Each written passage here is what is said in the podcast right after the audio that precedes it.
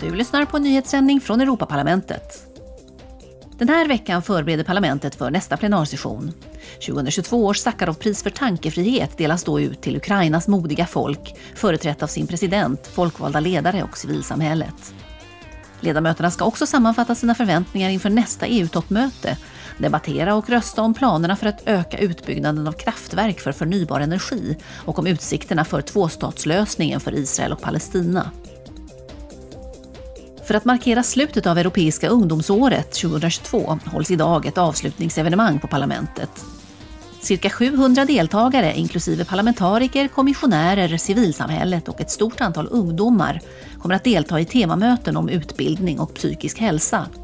De ska även träffa EUs beslutsfattare och diskutera det gångna årets framgångar. I förra veckan utvärderade EU-institutionerna och över 500 medborgare förslagen från konferensen om Europas framtid. Parlamentets talman Roberta Metsola, som öppnade evenemanget, sa så här.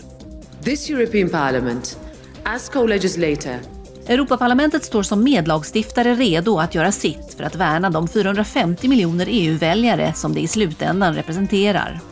När det gäller att genomföra medborgarnas förslag är inget förslag till förändring för svårt eller för stort. no suggestions for change should be off limits. Över 300 åtgärder har lagts fram för att de 49 förslagen man enades om under konferensen ska kunna genomföras. Förslagen är spridda över nio teman och allt bygger på rekommendationer från EUs och medlemsländernas medborgarpaneler, nationella evenemang och den flerspråkiga digitala plattformen. Du har lyssnat på en nyhetssändning från Europaparlamentet.